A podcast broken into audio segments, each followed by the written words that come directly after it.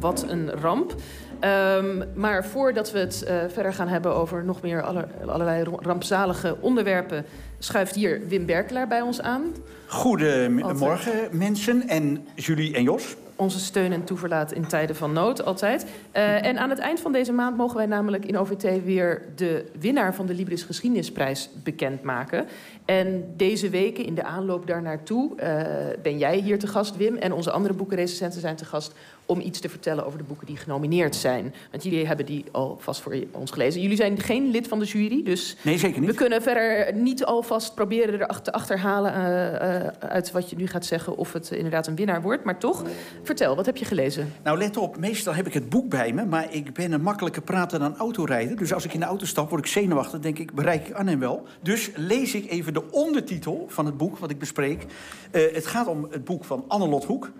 De strijd om Bali, dat wist ik nog uit, uit mijn hoofd natuurlijk. Imperialisme, verzet en onafhankelijkheid 1846-1950.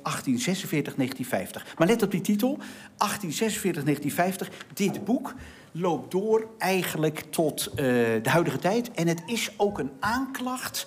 Uh, dat maakt het boek ook zo interessant. Het is zeer geëngageerde geschiedschrijving over uh, de, het imperialisme van Nederland, de bezetting van Indonesië en in specifiek uh, toegespitst op Bali. Maar het, is een, het heeft een veel bredere strekking. Het valt allerlei professoren aan waarvan ze zegt die hebben nog meegedaan aan het imperialistisch adagium, namelijk uh, we bedoelden het goed. Er was wel onderdrukking, maar het waren excessen.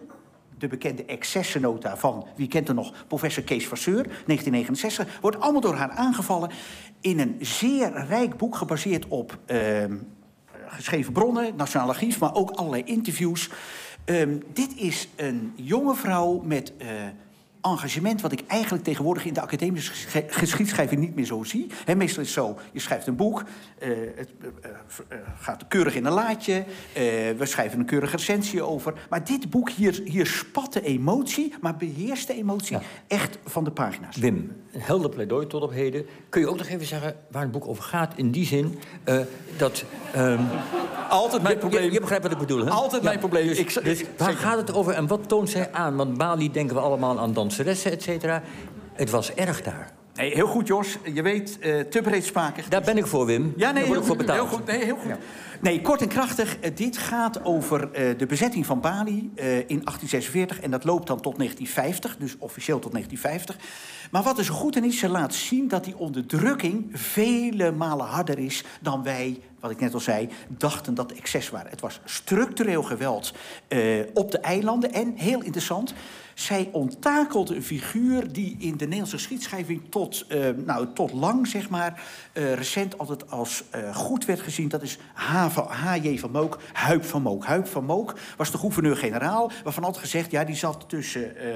Hamer en aanbeeld, Hamer Nederland, uh, aanbeeld uh, Indië. Maar zij toont aan, Van Mook heeft met zijn poging om de republiek Indonesië klein te houden... dus je krijgt 17 augustus 45, Sukarno die roept uh, de republiek uit... dan probeert Van Mook eigenlijk ook als een soort imperialist... die denkt dat moet beperkt blijven tot Java, het hoofdeiland en Sumatra. En Bali, dat moeten wij al die eilanden moeten verder in de federatie worden gesloten. En dus al die Balinezen die ook een vrijheidsdrang hadden... die ook dachten, we moeten nou een keer van Nederland af... die worden keihard onderdrukt. Dan heb ik het over, over die periode van de koloniale oorlog 1945-49. En dat is voor ik vond dat toch een nieuw perspectief. Nogmaals, ik ben geen koloniaal historicus, geen specialist in deze... maar ik denk dat menig specialist ook wel gedacht heeft... verdraait die van Mook even anders kijken. Dus grote verdiensten van ja, Anne Wim, is, is het een kanshebber?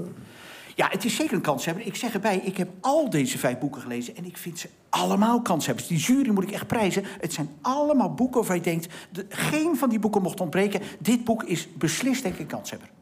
Goed, dankjewel Wim. En uh, we zien je aan het eind van de maand ook uh, weer